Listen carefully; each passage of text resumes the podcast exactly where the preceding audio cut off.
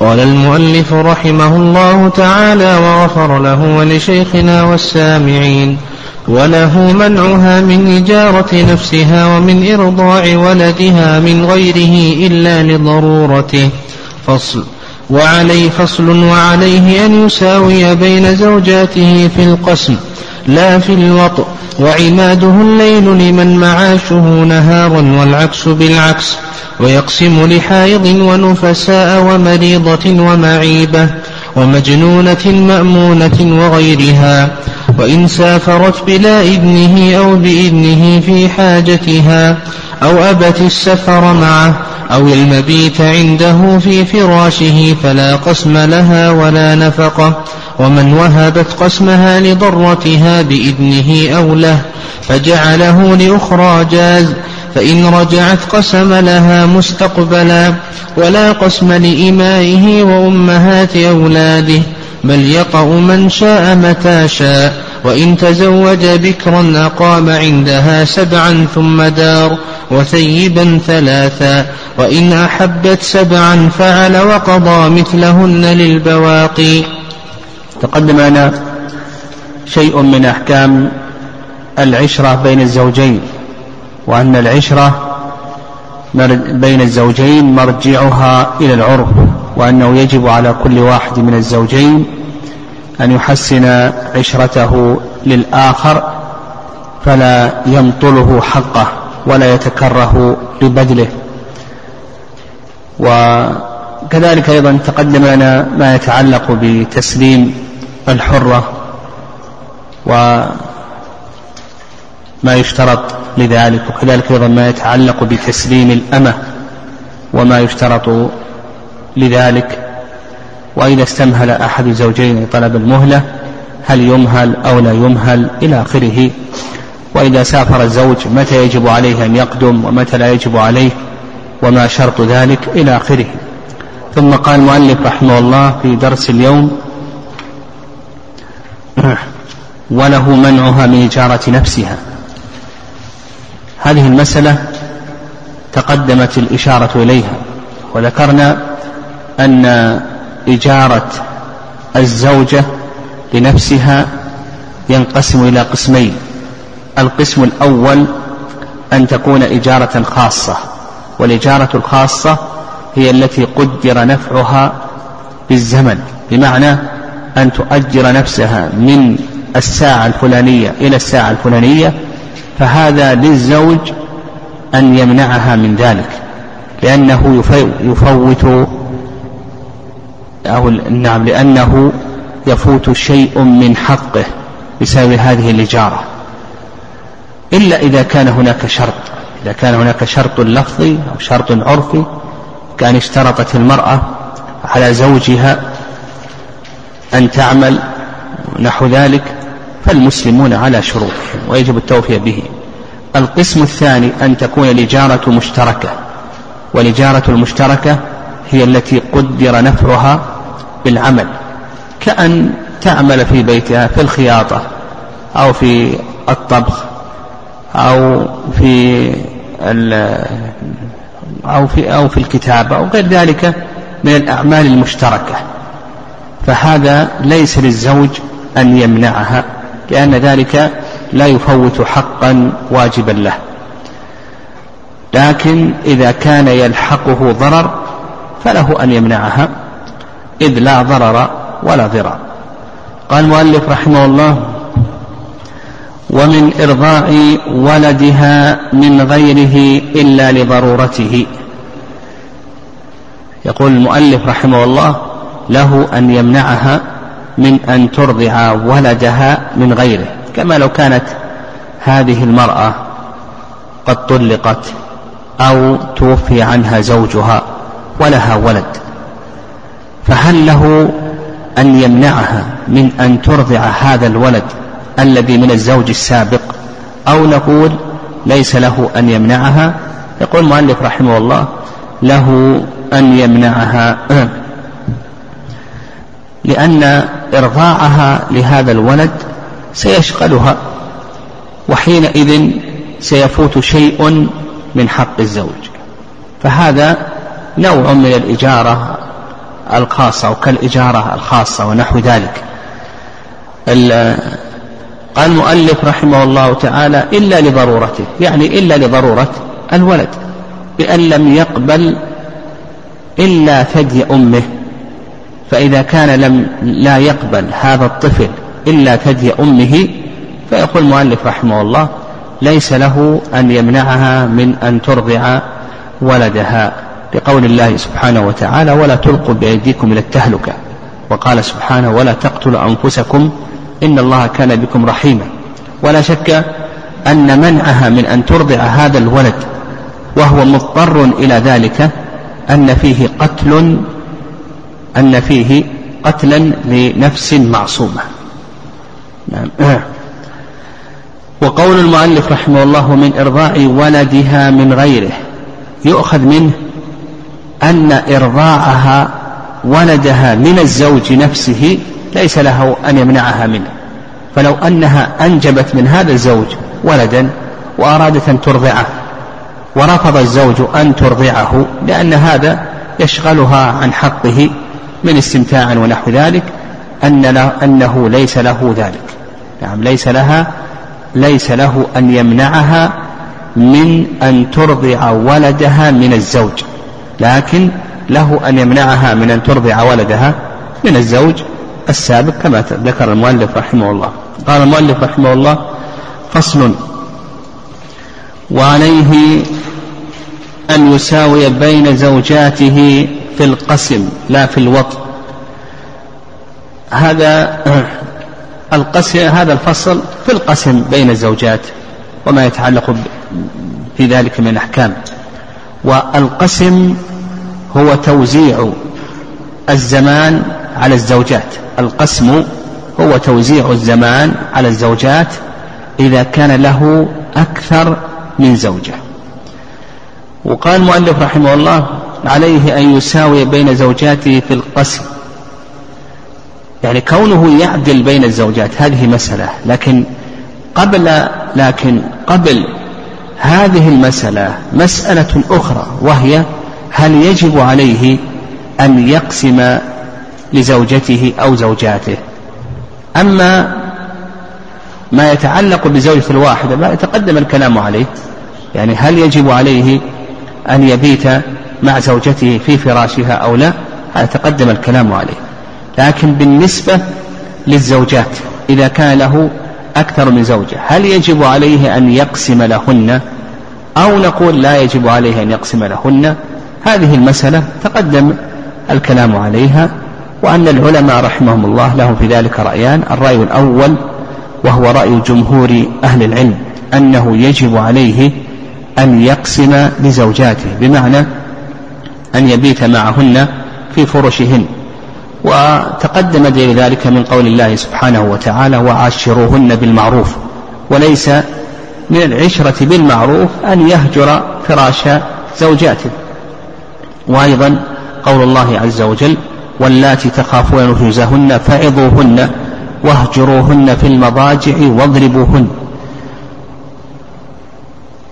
و فالهجر إنما يكون عند النشوز إذا لم يكن هناك نشوز فإنه لا هجر والرأي الثاني رأي الشافعية.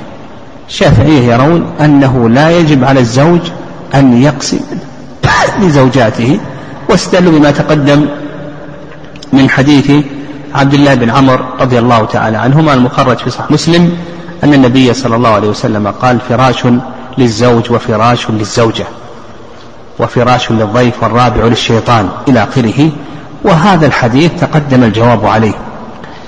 والصواب في هذه المسألة ما ذهب إليه جمهور أهل العلم أنه يجب على الزوج أن يبيت مع زوجاته في فرشهن وأن يقسم لهن نعم وأن يقسم لهن. وهذا هو هدي النبي صلى الله عليه وسلم. كفى آه، بهذا الهدي هديا هدي النبي صلى الله عليه وسلم هو أحسن الهدي. والصواب في ذلك ما ذهب إليه أكثر أهل العلم. المسألة الثانية إذا قلنا بأنه يجب عليه أن يقسم بين زوجاته هل يجب عليه أن يعدل أو لا يجب عليه أن يعدل؟ في القسم. يقول لك المؤلف رحمه الله وعليه أن يساوي بين زوجاته في القسم. يعني يجب عليه أن يعدل بين زوجاته في القسم وهذا باتفاق الأئمة. يعني باتفاق الأئمة أن الزوج يجب عليه أن يعدل بين زوجاته في القسم فيوزع حصص الزمان بينهن بالعدل. هذه ليلة وهذه ليلة وهذه يوم وهذه يوم إلى آخره. ويدل لذلك قول الله عز وجل وعاشرهن بالمعروف وليس من المعروف أن يفضل إحدى الزوجات على الأخرى وأيضا هذا هو هدي النبي صلى الله عليه وسلم. فإن النبي صلى الله عليه وسلم كان يعدل في قسمه بين أزواجه. وجاء في حديث أبي هريرة أن النبي صلى الله عليه وسلم قال من كان له امرأتان فمال إلى إحداهما جاء يوم القيامة وشقه مائل هذا الحديث رواه الإمام أحمد وأبو داود والنسائي لكنه ضعيف لا يثبت مرفوعا للنبي صلى الله عليه وسلم. قال المؤلف رحمه الله تعالى لا في الوطن. يعني هذا هو الأمر الأول. يعني هناك أمور يجب على الزوج أن يعدل بين زوجاته فيها وهناك أمور لا يجب عليه أن يعدل فيها. فعندنا الأمر الأول مما يجب العدل فيه القسم وهو توزيع الزمان بين الزوجات. يجب على الزوج أن يعدل فيه. الأمر الثاني قال لا في الوطن الجماع والاستمتاع. هذا لا يجب على الزوج أن يعدل بين زوجاته فيه لأن مبعث الوطء هو المحبة والمحبة هذا ميل قلبي. لا يملكه الإنسان. والنبي صلى الله عليه وسلم في حديث عمرو بن العاص رضي الله تعالى عنه ثابت في الصحيح أنه سئل أي الناس يحب إليك؟ قال عائشة. ففضل النبي صلى الله عليه وسلم عائشة بالمحبة على بقية زوجاته. وهذه المحبة سيترتب, سيترتب عليها آثار من الاستمتاع والوطء ونحو ذلك. فنقول لا يجب عليه أن يعدل بين زوجاته في الوطء وفي الاستمتاع. لكن قال العلماء رحمهم الله تعالى لا يجوز للزوج أن يجمع نفسه لإحدى الزوجات. بمعنى أن يؤجل الوطء إلى أن يأتي إلى أن تأتي النوبة الأخرى فيطأ هذا لا يجوز بل إذا اشتهى يجب أن يعدل في ذلك وأن يطأ هذا الأمر الثاني وهو الوطء والاستمتاع. الأمر الثالث المحبة كما تقدم وهذه لا يجب العدل فيها. الأمر الرابع النفقة. هل يجب على الزوج أن يعدل بين زوجاته في النفقة؟ نقول نعم يجب عليه أن يعدل بينهن بالنفقة. وضابط العدل بالنفقة ما هو؟ نعم صح سنت أن يعطي كل واحدة من زوجاته قدر كفايتها. هذا ضابط العدل. فهذه المرأة لها أولاد. وتحتاج من الطعام كذا من الخبز كذا من اللحم كذا من الخضار كذا يعطيها. وهذه ليس ليس عندها أحد أو هذه يكثر عليها الداخل وهذه لا يكثر عليها الداخل. مثلا هذه قد تحتاج في الشهر ألف ريال وهذه قد تحتاج في الشهر خمسمائة ريال. هذه يعطيها ألف وهذه يعطيها خمسمائة. وهذا هو ضابط العدل. وهذا سبق أن تكلمنا عليه في هبة آه، عندما تكلمنا على التعديل بين الأولاد نعم. القسم الرابع العدل في الهبة. بمعنى أنه هل يجب عليه إذا قام بالواجب من النفقة هل يجب على الزوج أن يعدل بين زوجاته في الهبة؟ يعني ما زاد على الواجب. أراد أن يوسع عليهن. هذه أعطاها نفقتها من الطعام والشراب والكسى وهذا أعطاها نفقتها من الطعام والشراب والكسى بقدر كفاية الزائد على ذلك هل يجب عليه أن يعدل بينهن أو لا يجب عليه أن يعدل بينهن؟ إذا أراد أن يوسع على زوجاته هل له أن يعطي, أن يعطي هذه ألف ريال وهذه يعطيها خمسمائة ريال إلى آخره أو نقول يجب عليه أن يعدل بين زوجاته؟ أكثر أهل العلم أنه لا يجب عليه فله أن يوسع على هذه وأن يقتر على تلك ما دام أنه قام بالواجب.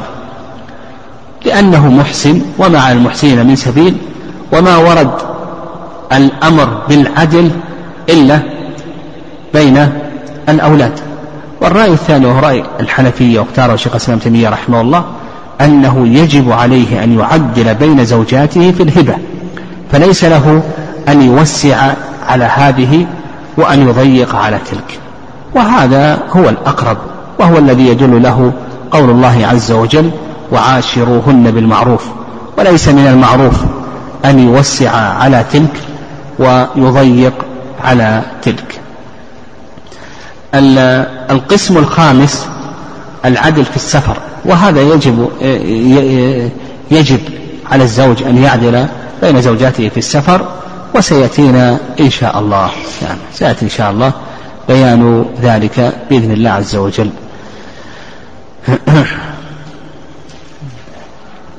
نعم. قال المؤلف وعليه أن يساوي بين زوجاته في القسم لا في الوطء وعماده الليل لمن معاشه نهارا والعكس بالعكس. عماده يعني الأصل فيه الأصل في القسم الليل لمن معاشه النهار. وهذا هو غالب الناس. غالب الناس اليوم معاشهم في النهار. فالموظف والعامل نحو ذلك هؤلاء غالب الناس نقول بأن معاشهم هو النهار. فالأصل في القسم هو الليل. والنهار يكون تابعا. لأن النهار يكون تابعا لليل. وهذا هذا الكلام يعني هذا سيأتي إن شاء الله ما ما يرتب عليه وأن الفقهاء يقولون لا يدخل على غير صاحبة النوبة ليلا إلا لضرورة. يعني يدخل على صاحبة النوبة لكن آه، غير صاحبة النوبة لا يدخل عليها ليلا إلا لضرورة. وأما في النهار يدخل عليها لحاجة. يعني لا يدخل عليها لحاجة وبعض العلماء وسع في النهار. قال يدخل لحاجة أو لغير حاجة وسيأتي إن شاء الله بيان هذه المسألة. المهم الأصل في القسم وعماد القسم لمن معاشه نهارا كعامة الموظفين هو الليل. والعكس بالعكس من معاشه في الليل الأصل في القسم هو النهار. فمثلا الحارس ورجل الأمن الذي يشتغل ليلا. نقول عماد القسم بالنسبة له هو النهار. والليل يكون تابعا. قال المؤلف رحمه الله ويقسم لحائض ونفساء ومريضة ومعيبة. من هي المرأة التي يقسم لها؟ يعني ما ضابط المرأة التي يقسم لها للعلماء رحمهم الله تعالى في ذلك قولان. القول الأول أن ضابط المرأة التي يقسم لها هي كل امرأة تطيق الوطء كل امرأة تطيق الوطء وإن امتنع وطئها. حتى ولو كانت حائضا حتى ولو يعني حتى امتنع وطئها إما شرعا وإما حسا وإما طبعا. يعني إما شرعا وإما حسا وإما طبعا فامتنع وطئها لكونها حائضا أو لكونها نفسا أو لكونها مريضة أو لكونها معيبة ونحو ذلك. يعني كل امرأة تطيق الوط فإنه يقسم لها حتى وإن امتنع وطئها. إما شرعا وإما حسا وإما طبعا. وذلك أن المقصود بالقسم هو حصول الألفة والأنس بوجود الزوج يعني حصول الألفة والأنس والمحبة بحصول الزوج. لا ليس المقصود هو مجرد الوطء ونحو ذلك لا بل المقصود هو ماذا؟ حصول الألفة والأنس مع الزوج ونحو ذلك وهذا يكون مع المريضة ويكون مع الحائض ويكون مع المعيبة ونحو ذلك. اللهم إلا إذا كان هناك عرف إذا كان هناك عرف. مثلا تعارف الناس على أن النفس لا يقسم لها ونحو ذلك. فنقول بأنه يرجع إلى العرف. وهذا قول جمهور جمهور أهل العلم رحمهم الله تعالى.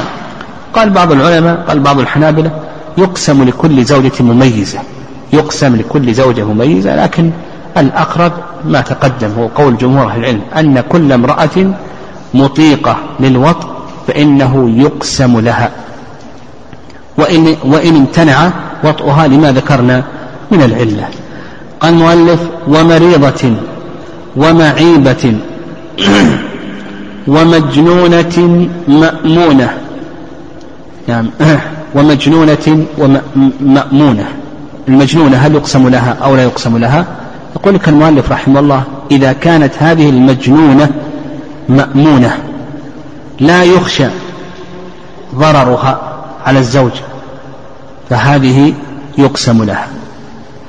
أما إن كان يخشى ضررها على الزوج فإنه لا يجب عليه أن يقسم لها. يعني إذا كانت هذه المرأة بسبب فقد العقل ربما أنها تؤذي الزوج وتضره فنقول بأنه لا يقسم لها إذ لا ضرر ولا ضرار. قال وغيرها نعم. يعني غير هؤلاء المهم الضابط كما سلفنا يعني حتى ال المرأة التي ظاهر منها إلى آخره هذه يجب عليه أن يقسم لها. وإن كانت لا توطأ لأنه لا لا يجوز له أن يطأ المرأة التي ظاهر منها حتى يكفر أو المرأة التي آل منها إلى آخره يجب عليه أن يقسم لها. والضابط كما سلف. قال المؤلف رحمه الله تعالى وإن سافرت بلا إذنه أو بإذنه في حاجتها. طيب ومن هو الزوج؟ الذي يجب عليه القسم. يعني من هو الزوج الذي يجب عليه القسم؟ للعلماء رحمه الله في ذلك رأيان. الرأي الأول أن الزوج الذي يجب عليه القسم هو كل زوج مطيق للوطء. إذا كان مطيقا للوطء فإنه يجب عليه أن يقسم بين زوجاته. وهذا قول جمهور أهل العلم رحمهم الله تعالى. والرأي الثاني أنه كل زوج مميز. يعني كل زوج مميز فإنه يجب عليه أن يقسم بين زوجاته. قال المؤلف رحمه الله تعالى وإن سافرت بلا إذنه أو بإذنه في حاجتها هنا شرع المؤلف رحمه الله في بيان مسقطات القسم. الأصل عدم سقوط القسم وأنه يجب على الزوج أن يعدل بين زوجاته في القسم لكن متى يسقط القسم؟ قال المؤلف رحمه الله سافرت بلا إذنه هذا المسقط الأول. إذا سافرت الزوجة بلا إذنه سقط قسمها لمعصيتها إياه وهذا نوع من النشوز. قال أو بإذنه في حاجتها. هذا المسقط الثاني إذا سافرت في حاجتها بإذنه سافرت لحاجتها بإذنه أيضا وبلا إذنه من باب أولى. هنا نقول إذا سافرت لحاجتها نقول بأنه يسقط حقها من القسم. لماذا؟ لأن الامتناع من القسم إنما جاء من جهتها فهي التي سافرت الآن لحاجتها. فالامتناع إنما جاء من جهة الزوجة. قال أو أبت السفر معه. هذا المسقط الثالث. إذا أبت السفر معه نقول بأن حقها من القسم يسقط لأنها عاصية له والواجب عليها أن تسافر مع زوجها. نعم. اللهم إلا إذا كان في السفر يلحقها مضرة. يعني إذا كان في السفر يلحقها مضرة فهل يجب على الزوج أن يقضي لها إذا رجع أو لا يجب عليه؟ هذا سيأتي إن شاء الله بيانه بإذن الله. قال أو المبيت عنده في فراشه. نعم إذا أبت الزوجة المبيت عنده في فراشه أيضا سقط حقها من القسم لأنها ناشز. والامتناع إنما جاء من جهتها. قال فلا قسم لها ولا نفقة. نعم وهذا سيأتينا إن شاء الله في باب النفقات أيضا. نعم. طيب. هذه أربع مسقطات.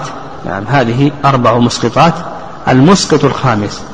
إذا سافرت بإذن الزوج لحاجة الزوج. نعم إذا سافرت بإذن الزوج لحاجة الزوج. هل يسقط حقها من القسم؟ نعم. نعم. هل يسقط حقها من القسم؟ أو نقول لا يسقط حقها من القسم. نعم. إذا سافرت بإذن الزوج لحاجة الزوج.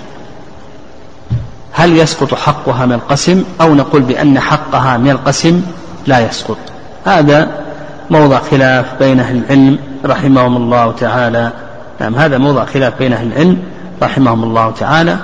والذي يظهر والله أعلم نعم الذي يظهر والله أعلم أنه آه أنه يسقط حقها.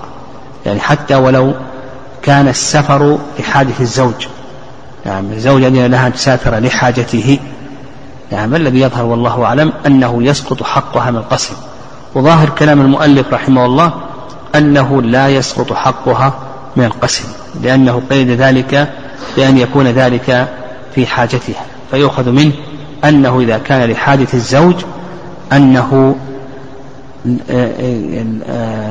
أنه لا يسقط حقها من القسم لكن يظهر والله أعلم كما سيأتينا إن شاء الله أنه يسقط حقها من القسم.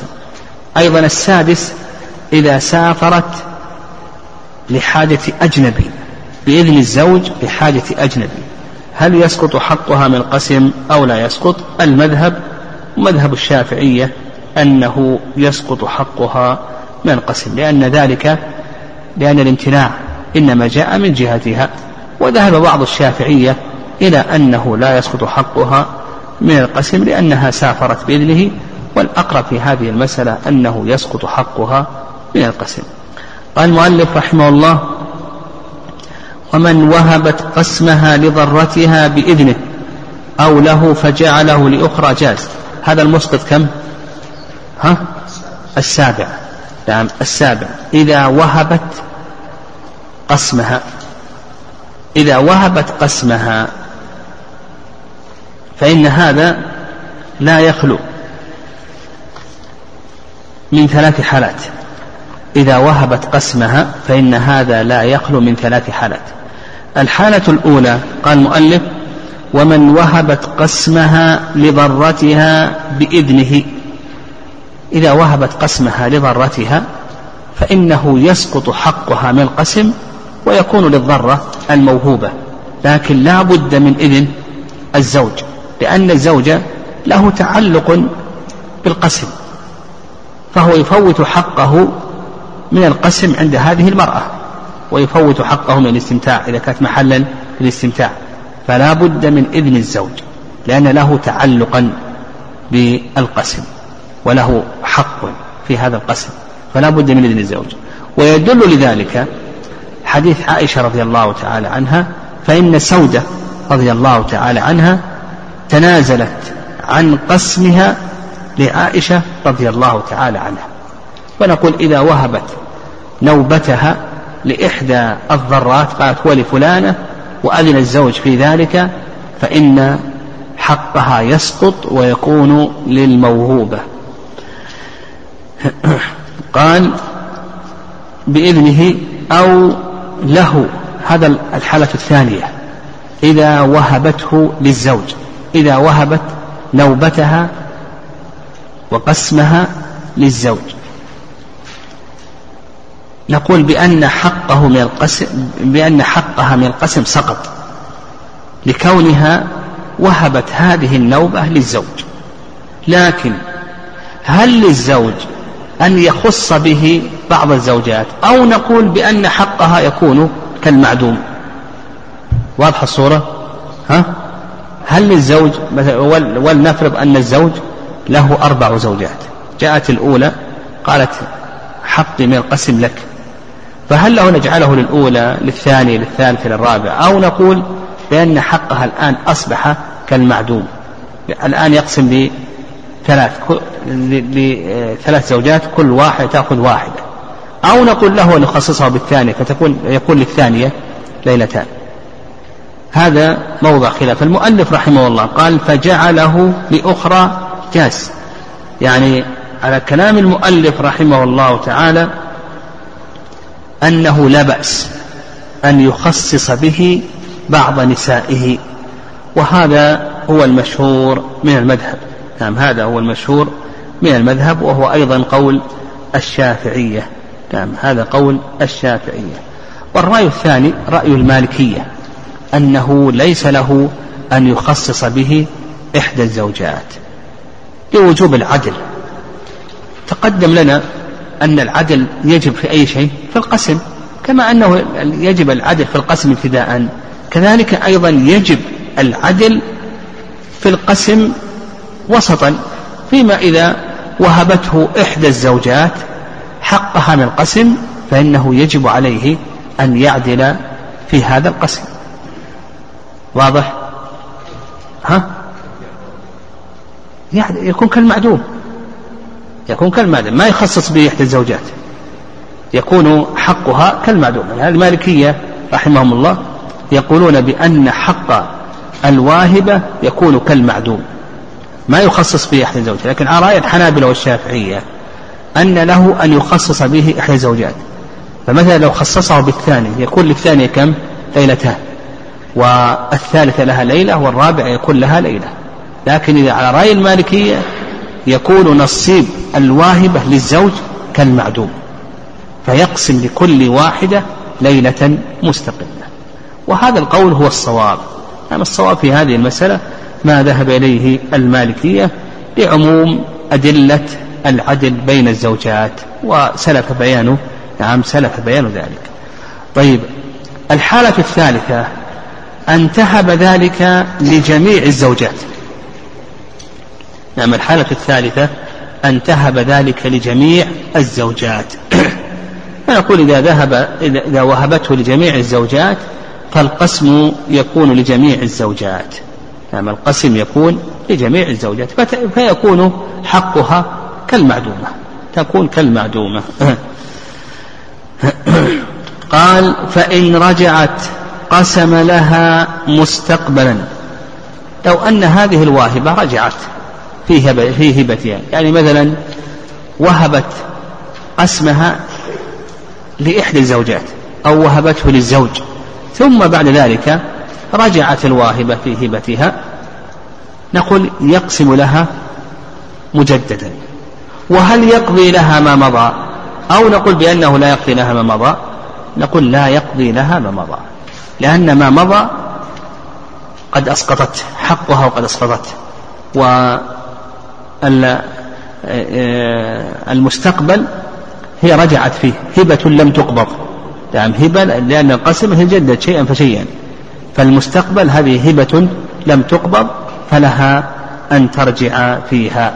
بخلاف الماضي فقد استقر وانتهى لا تملك أن ترجع فيه. طيب المسقط الثامن المعاوضة على القسم. هل للزوجة أن تسقط قسمها بعوض. لو أن الزوج عاوض زوجته وقال لإحدى زوجاته أسقطي حقك من القسم ولك كذا وكذا من الدراهم. فهل يصح ذلك؟ أو نقول بأنه لا يصح ذلك. العلماء رحمهم الله لهم في ذلك رأيان. كما العلماء رحمهم الله تعالى لهم في ذلك رأيان. الرأي الأول أنه لا يجوز المعاوضة عن القسم نعم أن المعاوضة عن القسم هذا لا يجوز. فلو أنها لو أنها عاوضت آه، زوجها عن القسم أو أن إحدى الزوجات أيضا اشترت منها حقها من القسم. قالت خذي كذا وكذا. نعم. ولا قسم لك أو اتفقت معها إلى آخره. هل هذا جائز أو ليس جائزا إلى آخره؟ هذا موضع خلاف بين أهل العلم رحمهم الله. الرأي الأول وهو قول أكثر أهل العلم أنه لا يجوز. لا يجوز للزوجة أن تعاوض زوجها على إسقاط القسم. لأن لأن هذا ليس حقا ماليا. لأن هذا حق بدني لا تجوز المعاوضة عنه. القسم الثاني القسم الثاني القول الثاني أنه لا بأس أن تعاوض الزوجة زوجها على إسقاط القسم. وهذا قول المالكية واختاره شيخ الإسلام ابن تيمية رحمه الله تعالى ويدل لذلك قول الله عز وجل فلا جناح عليهما فيما افتدت به. قول الله عز وجل فلا جناح عليهما فيما به. فيما افتدت به. يعني الزوجة إذا أرادت أن يطلقها زوجها مقابل عوض وهذا في حل عقد النكاح. فكذلك أيضا في إسقاط القسم كذلك أيضا الله عز وجل يقول لا جناح عليهما فيما افتدت به.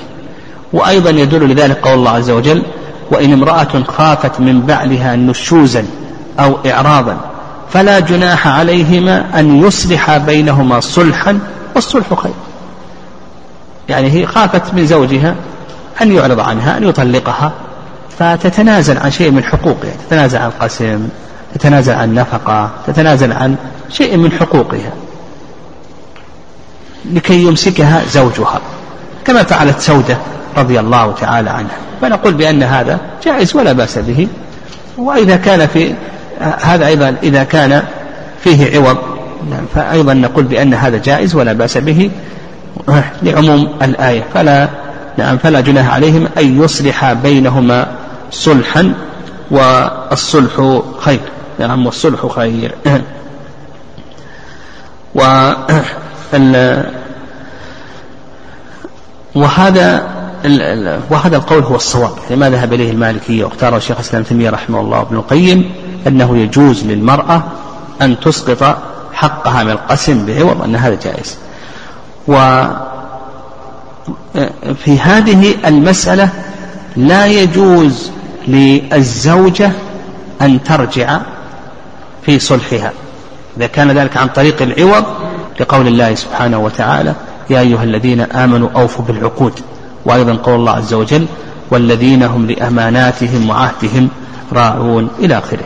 فإنه لا يجوز لها أن ترجع. بخلاف المسألة السابقة إذا تنازلت عن حقها من القسم مجانا فإنه يجوز لها أن ترجع. قال المؤلف رحمه الله ولا قسم لإمائه وأمهات أولاده يقول المؤلف رحمه الله تعالى لا قسم لإمائه وأمهات أولاده الأمة هي السرية التي شراها بملك آه، يمينه. هذه لا قسم لها بل له أن يطأ. من شاء منهن متى شاء له أن يطأ منهن من شاء منهن متى شاء فلو كان مع عنده خمس إماء أو عشر إماء له أن يطأ هذه وأن يترك هذه إلى آخره وله أن يقسم لهذه وأن يترك هذه. ويدل لذلك قول الله عز وجل فإن خفتم ألا تعدلوا فواحدة أو ما ملكت أيمانكم. فقال الله سبحانه وتعالى أو ما ملكت أيمانكم مما يدل على أن القسم ليس واجبا وأنه لا يجب عليه أن يعدل بين إمائه في القسم. كذلك أيضا بالنسبة لأمهات أولاده لأن أم الولد أمة حتى يموت زوجها حتى يموت سيدها. فإذا مات سيدها عتقت بموت سيدها وأم الولد هي التي أنجبت من سيدها ما تبين فيه خلق إنسان. يعني إذا وطئها ثم وضعت منه ما تبين فيه خلق إنسان لو وضعت لو لو وضعت قطعة لحم قد تبين فيها شيء من التخطيط تخطيط اليد أو الرجل أو الرأس ونحو ذلك إلى آخره. فنقول بأنه بأنها أم ولد تعتق بموت سيدها أيضا أمهات إذا كان له آه، اثنتان من أمهات الأولاد أو ثلاث إلى آخره فإنه لا يجب عليه أن يعدل بينهن في القسم لما تقدم من الآية. قال بل يطأ من شاء متى شاء قال وإن تزوج بكرا أقام عندها سبعا ثم دار وثيبا ثلاثا. هذا ما عليه جمهور أهل العلم.